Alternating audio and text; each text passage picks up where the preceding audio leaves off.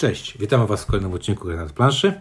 I to jest odcinek, który obiecywałem, odgrażałem się. O Jezus, ile myśmy się odgrażali? Kiedy myśmy to grali w ogóle?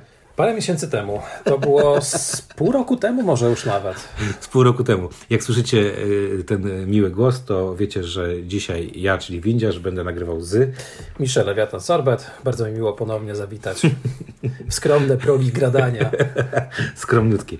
Dobra. E, e, zagraliśmy sobie w site Fenris, bo jak wiecie, my z Michelem mamy, mieliśmy taką fazę ogrywania wszystkiego, co można było z Legacy i do wszystkiego, do czego mieliśmy dostęp. I to była jedna z tych gier, która e, zaczęła się od tego, że musieliśmy zagrać po prostu podstawkę. Tak, musieliśmy zagrać podstawkę z bardzo prozaicznego powodu. Ja wcześniej w Skyfa, w w ogóle nie grałem. I to jest ważne, bo ty tak tak naprawdę zagrałeś, zacząłeś grać Saifa po jednej czy dwóch partiach Saifa? Po dwóch partiach Saifa. Mój Saif leży w którymś z pudełek w mojej kolekcji. W Saifie by się chciał powiedzieć. E, jeśli wysłali mi to, co zamówiłem, to mam Saifa w kolekcji od co najmniej 5-6 lat, ale wtedy jeszcze w niego nie zagrałem. Dobra. E, to jest dosyć ważne, dlatego że wy wiecie, że mm, my w gradaniu nagrywaliśmy akurat recenzję Saifa i dosyć dużo w niego graliśmy i to w różnych składach i ja dosyć dobrze yy, jakby miałem ograne te wszystkie frakcje, nie frakcje, bla, bla, bla. Natomiast yy, no ty, Michel, przychodziłeś jakby z czystą głową i wrzuciliśmy cię zupełnie w yy, taki nowy świat, bo zagraliśmy kampanię Fenris, Fenris powstaje i bardzo się z tego cieszę, bo ta kampania leżała u mnie bardzo, bardzo długo i długo, długo, długo rozmawialiśmy o tym, żeby w to mhm. zagrać. Z ważnych informacji kampanię graliśmy w czterech. Tak na trzy podejścia, z tego co pamiętam. Tak, w trzech sesjach zagraliśmy. W trzech sesjach, nie? nie? Mhm. Tak mi się wydaje, że w trzech Były trzy sesje, bardzo sprawnie poszło. Poszło sprawnie, e, także e, tak to wygląda. Oczywiście będziemy próbować nie spoilować, bo i po co, e, ale troszeczkę musimy e, m, zrobić wstępu fabularnego. E, no, Fenris powstaje. E, jak czytałem te flafy, to było dla ciebie to jakoś w sposób jakiś, nie wiem, zaangażujący, interesujący, czykolwiek, cokolwiek. O, to o tym chciałem potem trochę opowiedzieć, ale skoro już o to pytasz. No nie, no bo bardziej mi chodzi, że tam, czy, czy, bo to może inaczej. Czy w Saifie dla ciebie jest historia? W samym Saifie, prosto. To jest bardzo ciężkie pytanie, bo ta gra bardzo chce mieć jakąś historię, którą opowiada. Czy ja tę historię poczułem? Niekoniecznie ale historia jakaś jest. Trzeba Ona opowiada historię wizualnie. Powiedziałbym inaczej, że tam jest setting, ale czy ten setting potem przekłada się na historię i na jakiś poziom imersji, to już jest zupełnie inna sprawa. Spoko. Bo sam świat, w którym Safe jest osadzony, jest, jest bardzo plastyczny, mhm. bardzo przemawia do wyobraźni i to pobudza nasze oczekiwania i sprawia, że siadając do gry liczymy na to, że będziemy przeżywać fantastyczne przygody w tym świecie. Zdecydowanie się z Tobą zgadzam. Bardzo mi się podoba jakby ten świat. Podoba mi się też, bo wykonanie tej gry, no nie szokujmy się, też jest jakby tak zrobione, żeby jeszcze bardziej te zmysły nasze pobudzić. Te wszystkie figurki, ta wielka tak. plansza, te przepiękne karty, no nie oszukujmy się. E, ale faktycznie tej, tej, tej historii tam jest mało. No Fenris trochę obiecuje, że tej historii tam będzie więcej. Z założenia, tak jak większość gier e, Legacy lub też gier kampanijnych, w których historia powinna stanowić bardzo ważny element całości. Mhm. E, o ile w tym podstawowym sajfie też mamy niby setting i też mamy niby jakąś historię, czyli walczymy o te wpływy w tej nieszczęsnej, zniszczonej przez boje toczone przez mocarstwa Europii, to w sajfie mamy jeszcze obietnicę tego, że będziemy odkrywać tajemnice tegoż kontynentu i będziemy prowadzeni przez jakąś ścieżkę narracyjną. No, jest tam jakaś ścieżka narracyjna. No, ale, czy to, ale ona jest taka bardzo prozaiczna, bym powiedział. Nie? Bardzo. Taka bardzo prozaiczna. I powiem szczerze, że e, te wstępy, bo ja nawet, e, ja mówię, czytałem te wstępy i staraliśmy się później jakby no, no, grać ze zrozumieniem. E, nawet chyba oglądaliśmy, czy słuchaliśmy tego filmiku, jak to było? Ten, co, co Szonsu powiedział, że, że jest taki wstęp, że tam wiesz, lektor czyta i tam, pamiętasz? Tak. Ja to chyba taki, obejrzałem. Był taki fragment faktycznie, natomiast te wstępy były bardzo, bardzo długie. One bardzo chcą być klimatyczne, tylko że potem siadasz, już zaczynasz grać scenariusz i ten wstęp ma się nijak do tego, co robisz. Ale próbuję. Próbuję, tak. Próbuję, no, no. E, próbuję, natomiast tak jak się z, z Tobą zgodzę, że rzeczywiście e, jeżeli szukacie historii, bo ostatnio właśnie czytałem teraz na forum, ktoś tam napisał, że jakaś gra Legacy nie ma żadnej historii, że tam w ogóle nic się nie dzieje, że mhm. nie ma historii, to faktycznie yy, porównując na przykład to do Brzdęka, którego graliśmy, no to w Brzdęku ja czułem, tak, że, że, to, że przynajmniej ktoś się postarał tą fabułę napisać, nie? Ja nawet zaryzykuję bardzo ryzykowną tezę, że bardziej podobała mi się historia w Sifolu niż w Sci Fenris.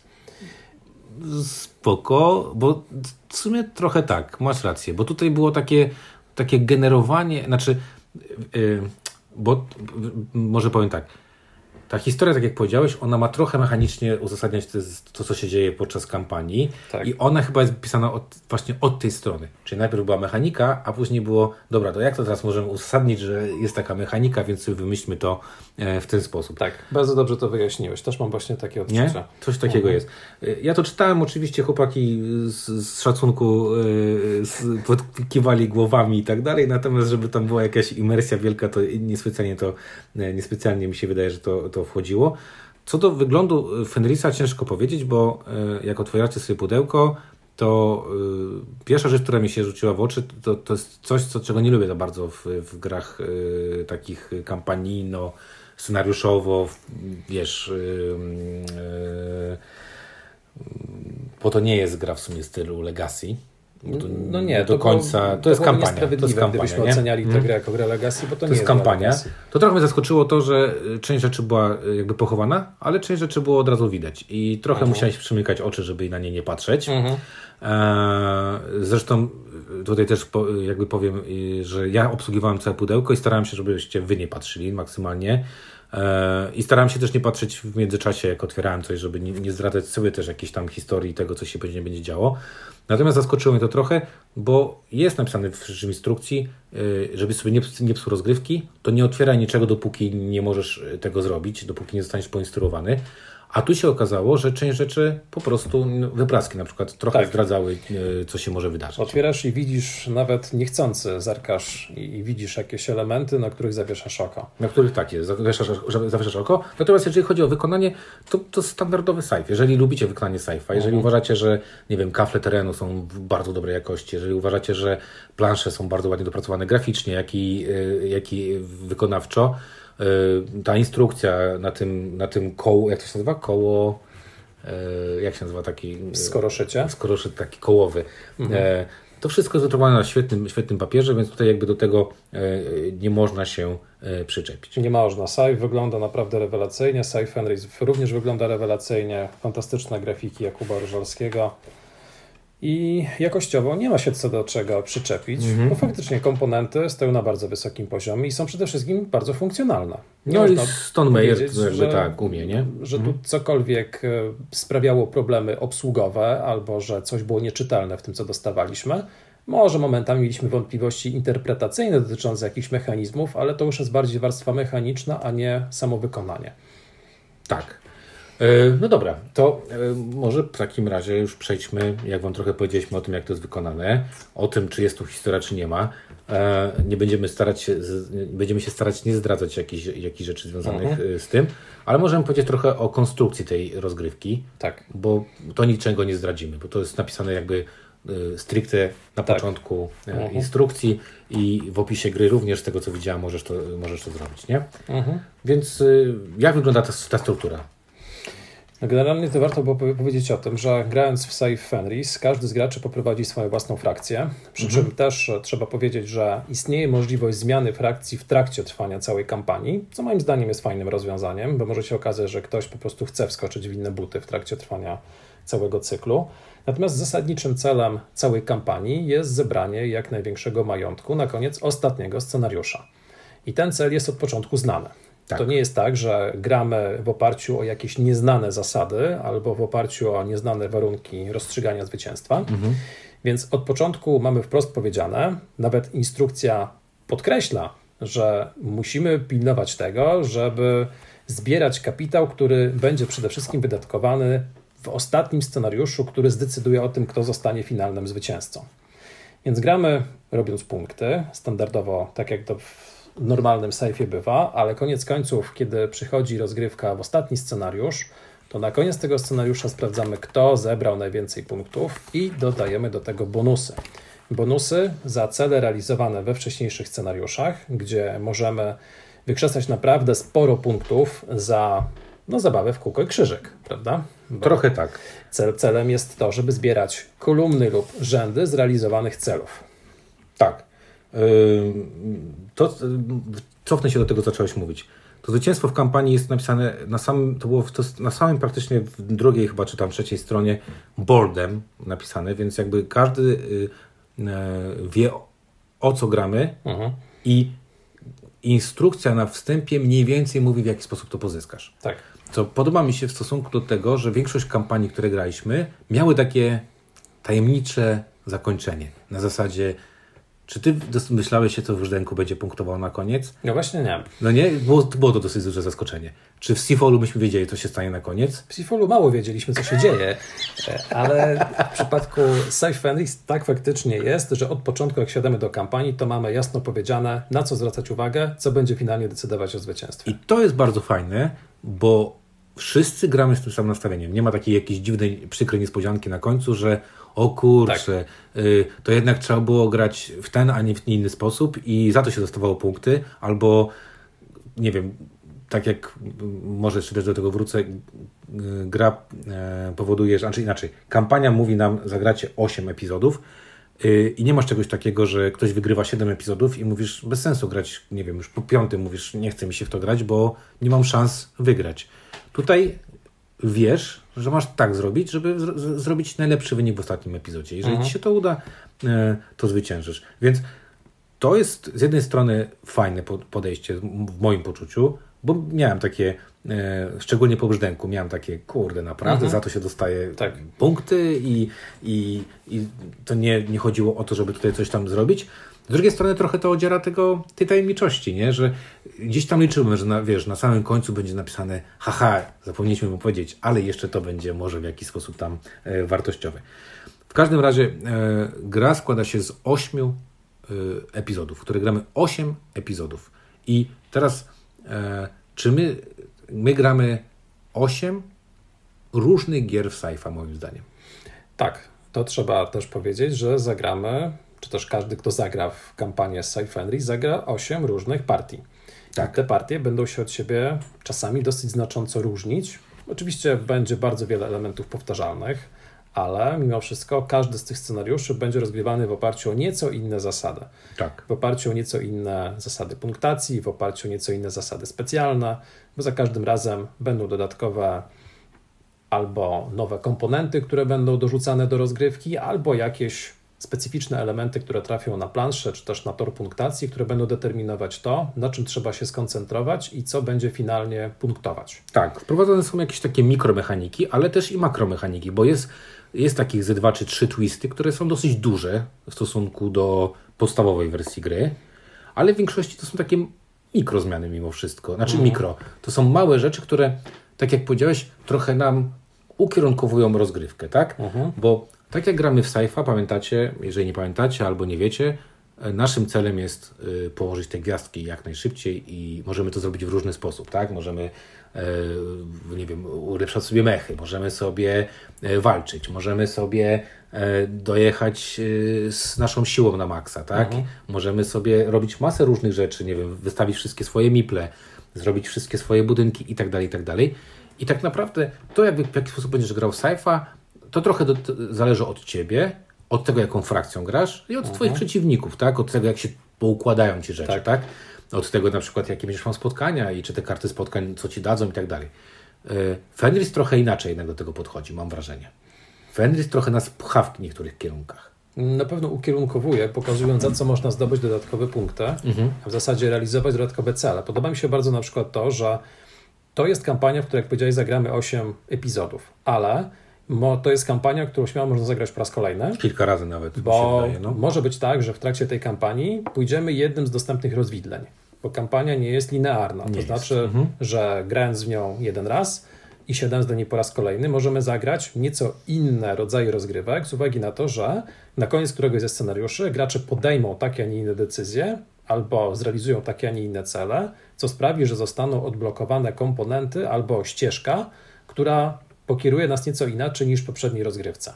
I to jest super, bo to sprawia, że Sci Fenris w odróżnieniu od wielu gier, czy to kampanijnych, czy to Legacy, cechuje się bardzo Mhm. wysokim poziomem regrywalności. Tak. Ym, Co więcej, to jest jedyna chyba kampania, która wprost mówi, że możesz dołączyć podczas kampanii, możesz w ogóle z, usunąć jakiegoś gracza w trakcie kampanii, albo możesz kogoś w ogóle wywalić całkowicie ze składu i według autorów to nie powinno zaburzyć tego, nie? Mhm. E, I to, co ty powiedziałeś, to, co mi się podoba, to jest to, że tak naprawdę jestem w stanie wyobrazić sobie, że nie wiem, zbieramy ten sam skład, nawet y, ten sam skład, czy inny skład i my zagramy ponownie tę kampanię i ona będzie miała całkowicie inny wynik y, niż ten, który był. E, Pomijam to, czy będziemy pamiętać, czy nie będziemy pamiętać, y, co, się, co się w kampanii działo, ale mam takie odczucie, że Fenris daje ci możliwość zagrania na równych warunkach. To znaczy, nie będziesz miał przewagi. Nie wiem, czy, wiesz o co mi chodzi, nie? Wiem o co ci chodzi, ale nie wiem, czy to do końca są na pewno równe warunki. Być może to jest tylko taki pozór równych warunków. Może inaczej, równe warunki na takiej zasadzie, że wyobraź sobie, że teraz siadamy w czwórkę, tak jak graliśmy, e, losujemy od nowa, e, kim rozpoczynamy kampanię. Czy nie miałbyś wrażenia, że wszyscy startujemy na tym samym poziomie, mimo różnych wyników osiągniętych w pierwszej kampanii?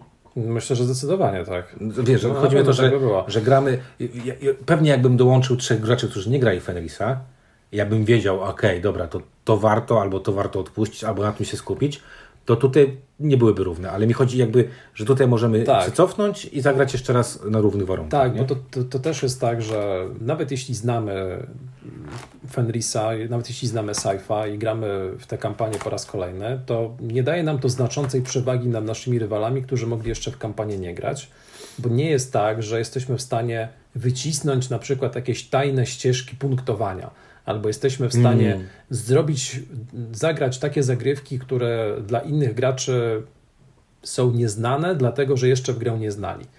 Owszem, daje to nam lekką przewagę polegającą na tym, że mniej więcej spodziewamy się tego, na przykład, w co warto w trakcie rozgrywki zainwestować, albo być może w których scenariuszach niektóre rzeczy odpuścić, a skupić się na nieco innych, ale to są bardzo małe różnice. Na pewno nie daje to takich forów jak w niektórych innych grach. No ja zdecydowanie się, zdecydowanie się z tą, właśnie o to mi chodziło, że, że wydaje mi się właśnie, że to jest y, bardzo potężna y, przewaga nad innymi tytułami tego typu, nie? Że na przykład ja Pandemika już nie zagram, nie wiem, że nie grałeś Pandemika, bo ja wiem, co się wydarzy, No właśnie, tak? bo wiesz, co się stanie. Bo ja wiem, na co się mam szykować. Ja wiem na przykład, że e, w, nie wiem, w grudniu czy tam w listopadzie wydarzy się coś, Mhm. na co ja muszę mieć przygotowane to, to i to. Wiem prawdopodobnie, którymi postaciami chciałbym grać, bo one będą przydatne Mhm. do tego, żeby to e, ukończyć pozytywnie. Tutaj natomiast e, zupełnie mam troszeczkę e, e, inne odczucia, bo wydaje mi się, że mówię, że e, znaczy, ja wiem, gdzie przegrałem tę grę, bo ja przegrałem tę grę chyba najbardziej, miałem najniższy chyba wynik z tego, co pamiętam.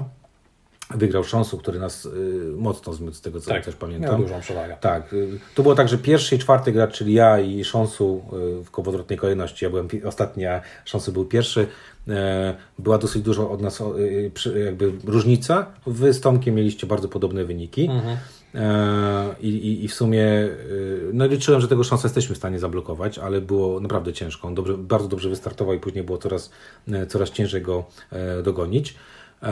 Ale właśnie mówię, pewnie teraz bym zagrał i miał takie, no dobra, sp- spróbujmy zagrać to e, dobrze, nie? Wystartujmy dobrze i tak dalej. No I teraz w związku z tym, e, że powiedziałem o tych wynikach, to takie moje pytanie, bo ja zastanawiam się, mamy te frakcje, które e, w jakiś sposób napędzają Saifa.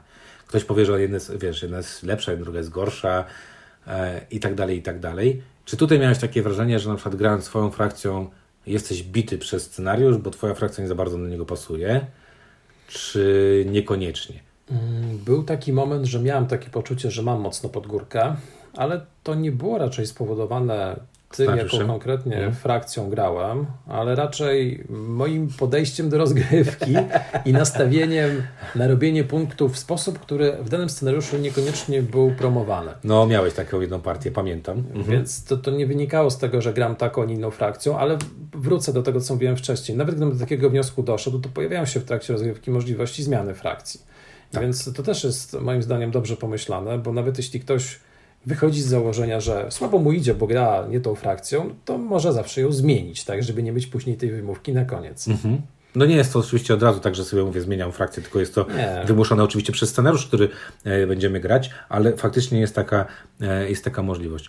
Ja miałem trochę takie, na początku, y, ja grałem akurat frakcją tą bojową, która lubi się bić Mhm. i miałem takie, kurde, wyście unikali walki pa- paskudnie. Mhm. Ja tak tak za bardzo za wami nie goniłem i potem miałem takie, że nie gram właśnie tego, co powinienem grać, bo wydawało mi się, że cel w scenariusza jest troszeczkę inny. Trochę się oszukałem sam, sam siebie. Miałem takie, takie, takie, takie, e, takie na koniec odczucie, że faktycznie to nie gra mnie oszukała, tylko ja siebie oszukałem. Bo e, gra mi powiedziała konkretnie, masz robić to, to jest twoja frakcja, tu masz takie możliwości, no i działaj z tym, tak? Ty na przykład nie mogłeś robić czegoś innego, ktoś inny czegoś, czegoś innego i tak dalej, i tak dalej. Także e, z tej perspektywy e, muszę przyznać, że całkiem dobrze jest to dopasowane jakby do tego, że każda frakcja ma trochę inne e, umie- umiejki, bo w trakcie gry ty, my też modyfikujemy te swoje rzeczy, które posiadamy. Tak, to też jest właśnie- bardzo fajne. Właśnie warto o tym powiedzieć, że otwierając pudełko z Sci Fenris dostajemy nie tylko kampanię, ale dostajemy dodatkowe komponenty i dodatkowe moduły, których, których z można wykorzystać później, korzystać, grając standardowe partie sci-fi. Mhm. Więc e, dostajemy dodatkowe ulepszenia różnego rodzaju, zarówno dla mechów, jak i dla naszej infrastruktury, które bez problemu możemy dorzucać grając w normalnego sci-fi, niekoniecznie rozpoczynając kampanię. I to są elementy, które potem mocno różnicowały potencjał każdego Tak. z graczy, które sprawiały, że każdy z graczy miał nieco inny potencjał ekonomiczny, nieco inny potencjał militarny. I to fajnie działało pod tym względem, że mocno różnicowało nasze frakcje i sprawiało, że musieliśmy też mocno pilnować tego, kto w ogóle ma jakie umiejętności, gdzie w danym momencie może się na mapie, mapie pojawić, No. z ilu kart może korzystać, czy przypadkiem nie może zapłacić za coś czymś innym niż zasoby. Więc było sporo patrzenia na to, co się dzieje. Interakcji w trakcie całej kampanii było naprawdę bardzo dużo. Tak. I, I te wybory były fajne, bo to, co powiedziałeś, my modyfikujemy swoje frakcje i te możliwości, czyli na przykład te budynki, czy te mechy, o których mówimy, to nie jest tak, że to jest takie losowo, wylosuj sobie i masz, tak? Tylko e, mamy pewien wybór i, i te decyzje nasze tutaj ewidentnie widać fajnie wpływ tego, co my robimy, na to, co później będziemy, e, jakie będziemy mieć z tego profity, albo czy dobrze się przygotowaliśmy, czy, czy się źle przygotowaliśmy do e, rozgrywki. I, I to mi się bardzo podobało. Tak, zasadniczo tak, ale y, w praktyce też momentami bywało tak, że te ulepszenia były bardzo nierówne. I to jest coś, co mi się mniej podobało w Sci Okej. Fenris. Mhm. Bo w momencie, kiedy rzeczywiście byliśmy już nagradzani przez scenariusz i mieliśmy możliwość nabycia ulepszeń, czy to mechów, czy to infrastruktury, to bywało tak, że ktoś dobierał po prostu kijowe ulepszenia, które były okej. zdecydowanie słabsze od tego, co dobrał rywal, a dobranie mocnego ulepszenia dawało bardzo mocnego kopa. Mhm. I wydaje mi się, że jeśli coś mi się nie podobało, to między innymi to. E, Ponadto też trzeba powiedzieć, że ulepszenia infrastruktury są bardzo mocne, a ulepszenia mechów są albo przeciętne, albo średnie. W sensie, albo nawet słabe. One są modyfikacjami. bardzo mocnych Zastanawiam się, czy one nie są po prostu modyfikacjami tego, co jest w podstawce, że one są po prostu rozszerzeniem tego, co jest w podstawce. Trochę, trochę tak. Nie? To, to, że to nie jest jakaś wariacja taka straszna. Trochę nie? tak, ale szczególnie dobierając ulepszenia mechów. Dobra, miałem infrastruktura poczucie- jest faktycznie potężna, bo ja Miałem poczucie, że czasami no. dobieram dwa na przykład żetony i żaden z nich mi nie pasuje, bo są po prostu kiepskie. Bo na przykład są bardzo podobne do tego, co mam już u siebie, Mhm. albo nie dają mi znaczącej przewagi na tle tego, co mogą mieć rywala. Mhm. Więc to akurat mi się podobało nieco mniej, co nie znaczy, że to się nie będzie na przykład dobrze sprawdzać w standardowych partiach sci-fi, kiedy oczekujemy pewnego zróżnicowania i jakiejś dywersyfikacji. Albo odświeżenia też, nie? Bo to też może Tak. być jakby swego rodzaju odświeżeniem tego, co już znacie i dobrze Tak, więc w e, ramach umiecie. samej kampanii może podobało mi się to nieco mniej, w szczególności w zakresie ulepszeń mechów, ale doceniam fakt, że jest taki moduł i można z niego korzystać w standardowym sci-fi. Okej, to jak trochę zaczynamy narzekać, to e, bo ogólnie, tak ogólnie, ogólnie, sama kampania mi się podobała jako całość. I, i, Mnie też. I, i, i, I gdybym miał to oceniać, to bym powiedział bez żadnych tam e, krępacji, warto. Jeżeli, Tak. jeżeli lubicie sajta, Mhm. jeżeli e, macie go ogranego i chcecie z, z nim zrobić coś ciekawego, to Fenris jest naprawdę bardzo wartą kampanią do tego, żeby zagrać i do tego, żeby po prostu mieć kolejne pudło, z którego można jak, jak z pudełka różnych takich, wiesz, ciekawostek wyjmować kolejne rzeczy i sobie właśnie e, implementować do rozgrywki, do rozgrywek e, w wersję e, standardową. Natomiast no ta kampania nie jest bez wad. Nie? Pierwszą wadą, o której, o której, powiedzieliśmy, no to pierwsza wada to jest mimo wszystko ta taka, bym powiedział, miałkość fabularna. Mhm. Druga, zgodzę się z Tobą, że faktycznie zdarzały się sytuacje, w których e, ewidentnie czułeś, że ktoś kupuje po prostu bardzo potężną rzecz, tak. a ty masz to, a ty masz wybór pomiędzy słabym i średnim, albo słabym dla ciebie, bo być może dla kogoś innego byłoby spoko, mhm. ale dla ciebie akurat ta umiejka jest zupełnie nie, nieprzydatna i ten wybór jest tutaj dla ciebie ograniczony. Ja mam trochę inny, jeszcze inną rzecz. E, no u nas, jak powiedzieliśmy, wygrał Szonsu. E, Szons chyba wygrał 6 z tych 8 gier, tak mam wrażenie. Z tych ośmiu na pewno wygrałem jedną. No, ty wygrałeś jedną. Mi się wydaje, że Tomek wygrał jedną. Szonsu wygrał chyba około pięciu. Pięciu albo sześciu, tak, tak mi się wydaje, wydaje tak. też. Ja nie pamiętam, czy na wygrałem. Na pewno zdecydowaną większość. Ja chyba jedną wygrałem, tak mi się wydaje. Więc wydaje mi się, że wygrał pięć i ten.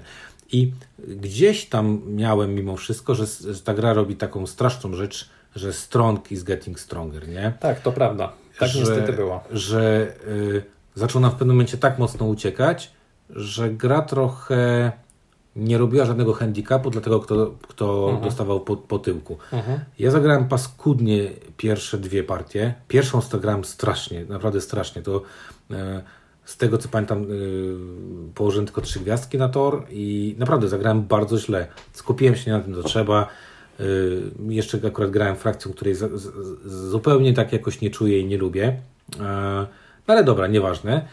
I i miałem takie, kurde, jak wy zaczynacie mi uciekać w pewnym momencie, jak mi mhm. zaczynacie uciekać. I to nie tylko tylko szansa, tylko ogólnie waszej trójki. Mhm. I jak w pewnym momencie gdzieś ten złapałem, że dobra, mam fajną infrastrukturę i tak dalej, to już było za późno, żebym się mógł wykaraskać ze swoich no rzeczy, tak. tak? Że gdzie ostatnio, uważam, że te ostatnie dwie, trzy, trzy partie już grałem na równi z wami, ale już nie miałem szans na wygraną. I to mnie trochę zabolało. Mhm. No tu chyba dwóch tematów dotknąłeś, bo z jednej strony to jest rzeczywiście ten efekt kuli śnieżnej, który też moim zdaniem momentami był widoczny, bo mhm. teraz jakbyśmy mieli sobie zadać pytanie, czy Szonsu grał znacząco lepiej od nas, to powiedziałbym, że nie. Ale był taki moment w trakcie trwania całej kampanii, kiedy nabrał rozpędu. Dobrze kiedy wykorzystywał dzięki temu rozpędowi takie, tak. mhm. później świetnie wykorzystał i mocne strony swojej frakcji i mógł dzięki temu w trakcie kolejnych scenariuszy też budować dobry potencjał do ataku na zwycięstwo. Mhm. Natomiast drugi temat, poza samym, poza samym motywem kuli śnieżnej, to jest ponownie ten temat nieszczęsnej fabuły. Bo powiedziałeś o budowie potencjału i o tym, że rozbudowujesz swoją infrastrukturę, ale potem mhm. już jest za późno. No i teraz, jeśli zadamy sobie pytanie, co jest pewnym takim walorem gier kampanijnych, to jest jednak budowanie pewnej historii, pewnej narracji.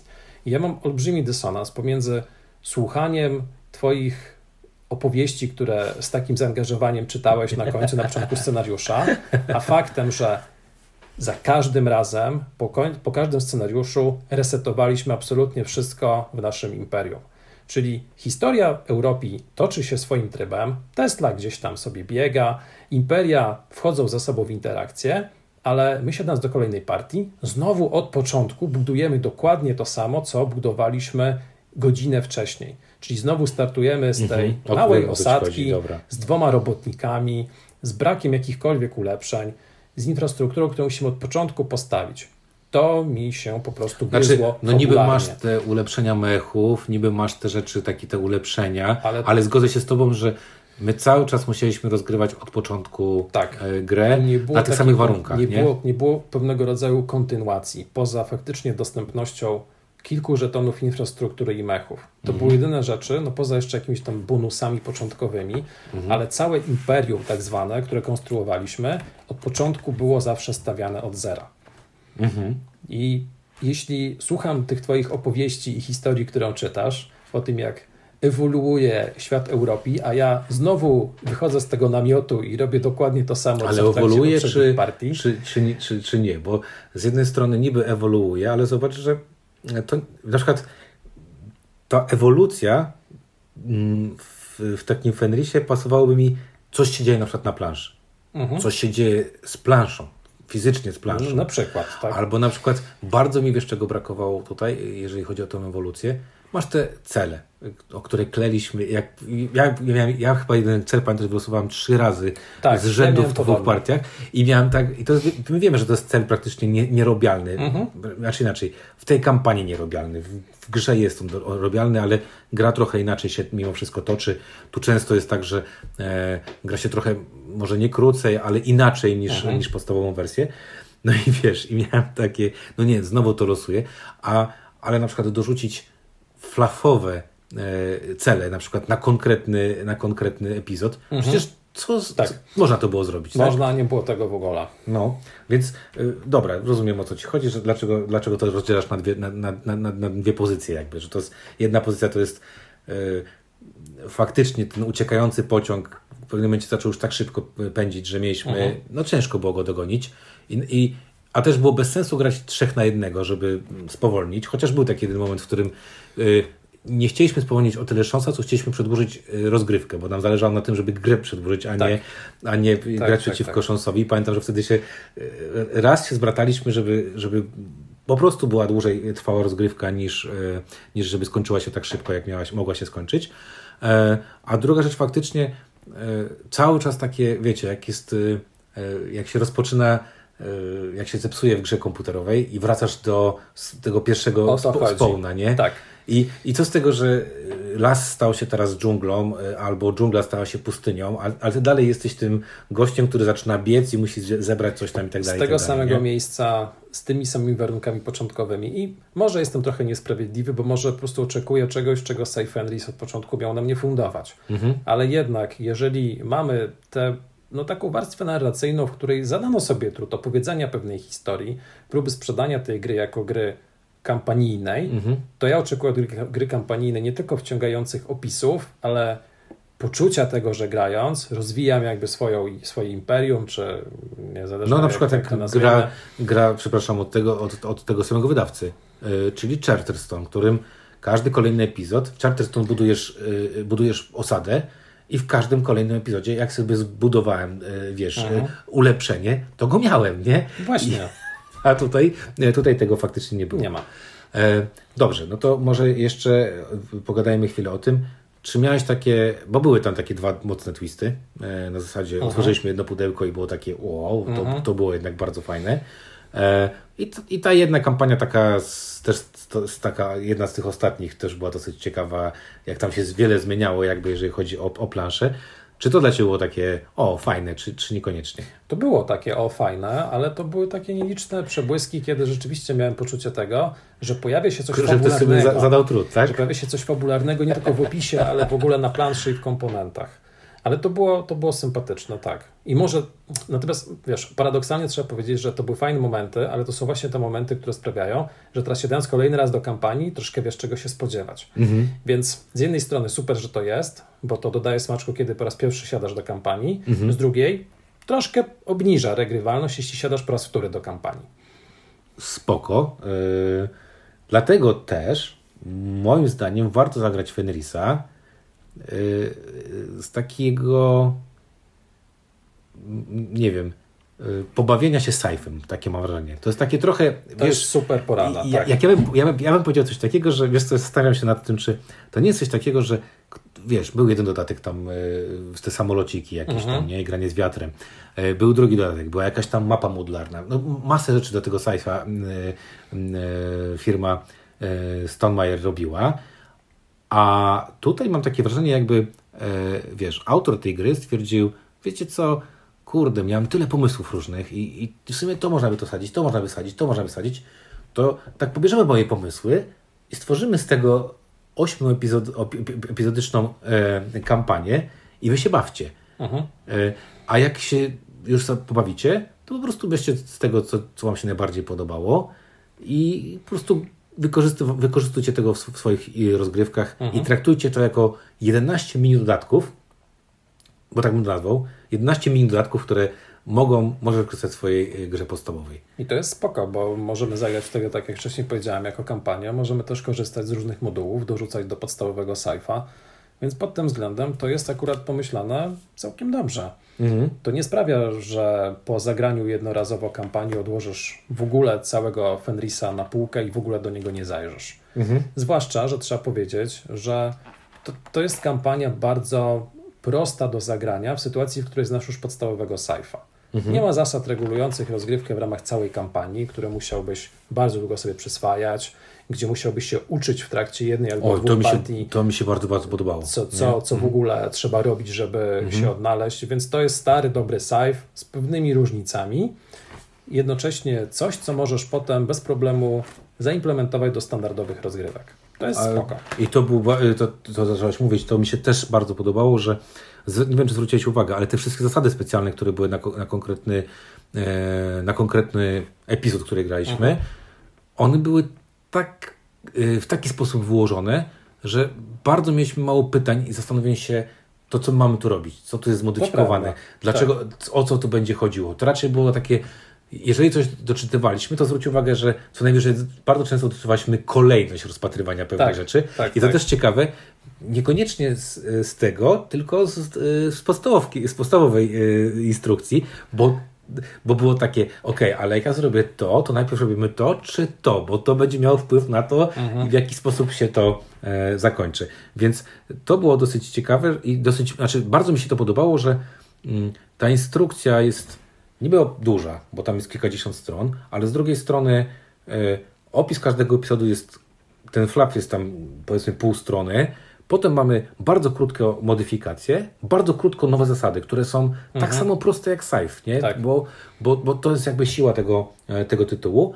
I, I potem nie czytasz dalej, kończymy epizod i czytamy, co się dzieje na drugiej stronie, czy coś mhm. się zmieni, nie zmieni, czy musimy coś zrobić, czy musimy coś otworzyć, czy musimy, e, nie wiem, dokonać jakiegoś wyboru i tak dalej, i tak dalej. Ale było to mimo wszystko bardzo takie e, proste, napisane w sposób zrozumiały i jednocześnie nie pozostawiające wielu wątpliwości. Mhm. Nasze, mówię, nasze wątpliwości były śmieszne, bo żeśmy cały czas doczytywali takie, a jak walka to kiedy? To teraz czy, czy nie? Jak coś tam zdejmuje, to, to gdzie to tam leci i tak dalej, i tak dalej, nie?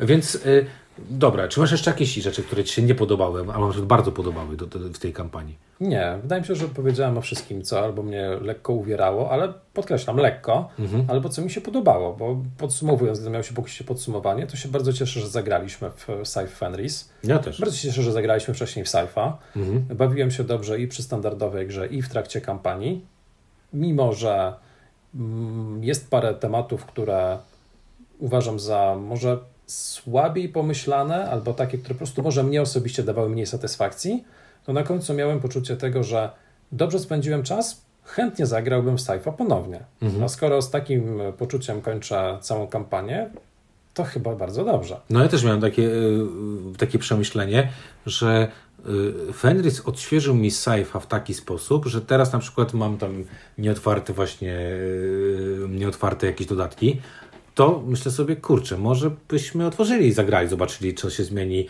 e, jak to wpłynie na rozgrywkę. Co więcej, tak jak powiedziałeś, e, trochę mi się zrobiła ochota na po prostu granie w zwykłego.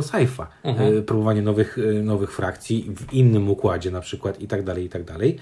Nie wiem, czy koniecznie z jakimiś modułami, bo nie wiem, czy mam jakiś swój ulubiony moduł stąd, bo ta kampania dla mnie była takim pewnym, pewnego rodzaju zamkniętym pomysłem, mhm. który skończyliśmy i nie wiem, czy mi się tam, wiesz, bardzo potrzebny jest wyciągać z tego pomysłu, bo dla mnie to był jakiś pomysł, tak? Czy on miał lepszą czy gorszą egzekucję, ciężko mi stwierdzić, ale bardzo często miałem tutaj, czy często, no nie wiem, czy bardzo często, ale często miałem coś takiego, że czytałem ten wstęp i miałem, hmm, to mi się bardzo podoba, przynajmniej w założeniach. Mhm. Potem miałem podczas grania, hmm, okej, okay, to dalej mi się podoba, tak? Albo na przykład, hmm, no to było fajne, ale to, co z tego zostało zrobione, na zasadzie na przykład, nie wiem, nawet pierwszy scenariusz, w którym mieliśmy coś tam się dzieje fajnego, Aha. a potem miałem takie, okej, okay, ale to tylko po to to było? E...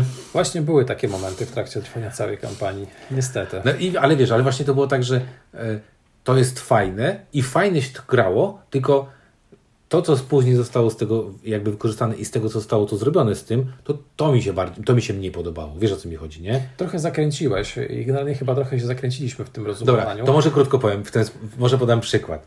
E, Nie wiem, powiedzmy, że jeździmy samochodem i ktoś mi mówi, że mam teraz jeździć samochodem uderzając w latarnię i podoba O. mi się pomysł i uderzam w tę Podoba latarnię. Ci się taki pomysł? Powiedzmy, tak? że podoba mi się ten Okej. pomysł. Jeżdżę sobie tym samochodem, uderzam w latarnię, cyk, cyk, cyk i na końcu ktoś mi mówi i potem sobie myślę, dobra, to na końcu ten, kto wziął najwięcej tych latarni dostanie jakiś bonus albo, albo nie wiem, z tych latarni teraz z, z tego złomu zrobimy jakąś tam wspaniałą budowlę, a tu ktoś mi mówi, że no dobra, zrobiłeś te, te, ten, to te, te, te, latarnie porozwalałeś, spoko. To teraz dzięki temu możesz wybrać kolor latarni, ale wyrzuć się na złom.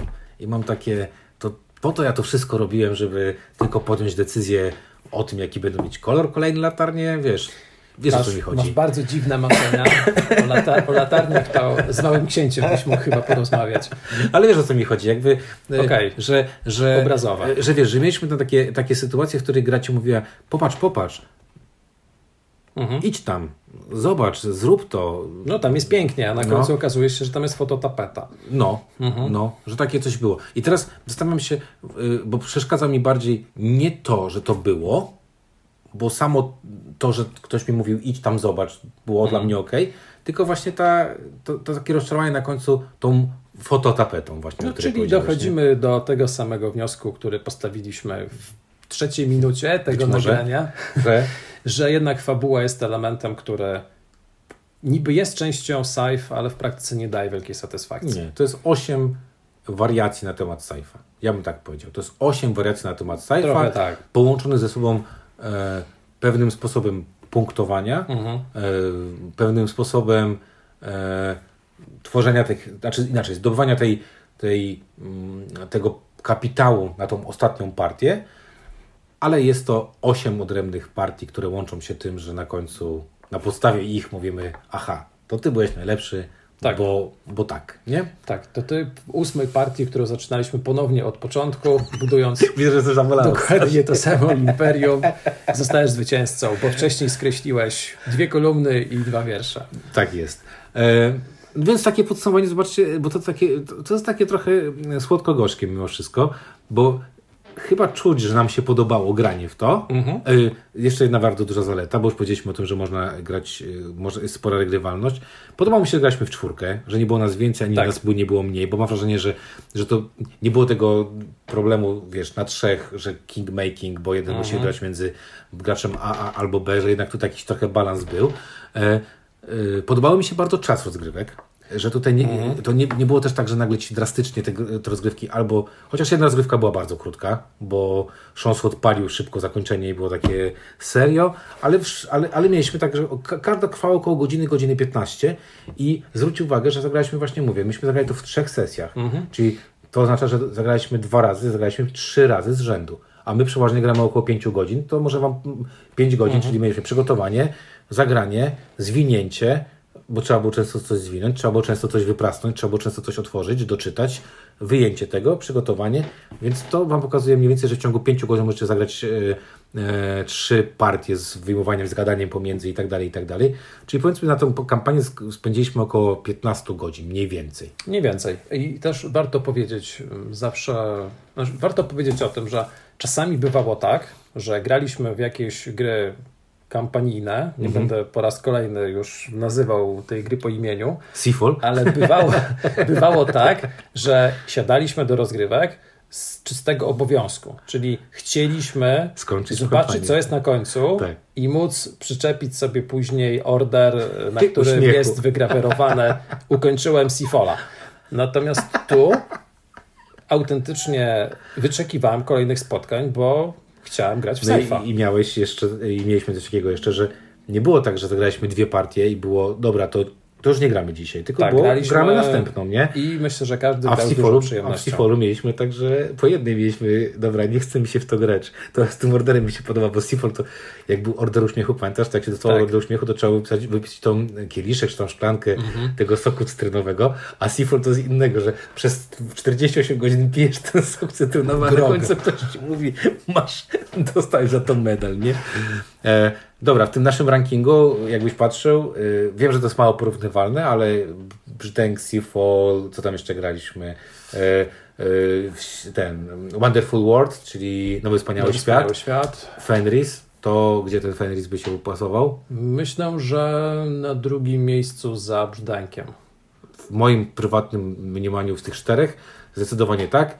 Jak na e, no Brzdęka ciężko będzie mi przebić. E, natomiast e, Fenris był naprawdę przyjemnie się w to grało, dobrze się w to grało. Nie jestem zadowolony ze swojego wyniku i uważam, że coś tam się wydarzyło, jakaś zaćma umysłowa moja musiała być.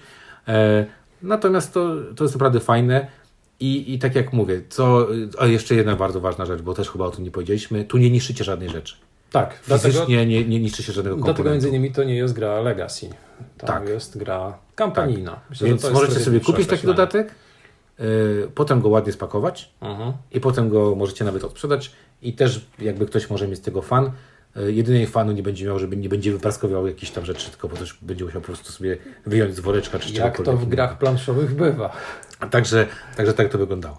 Yy, no dobra, yy, czyli co, podsumowując, bawiliśmy się dobrze. Tak.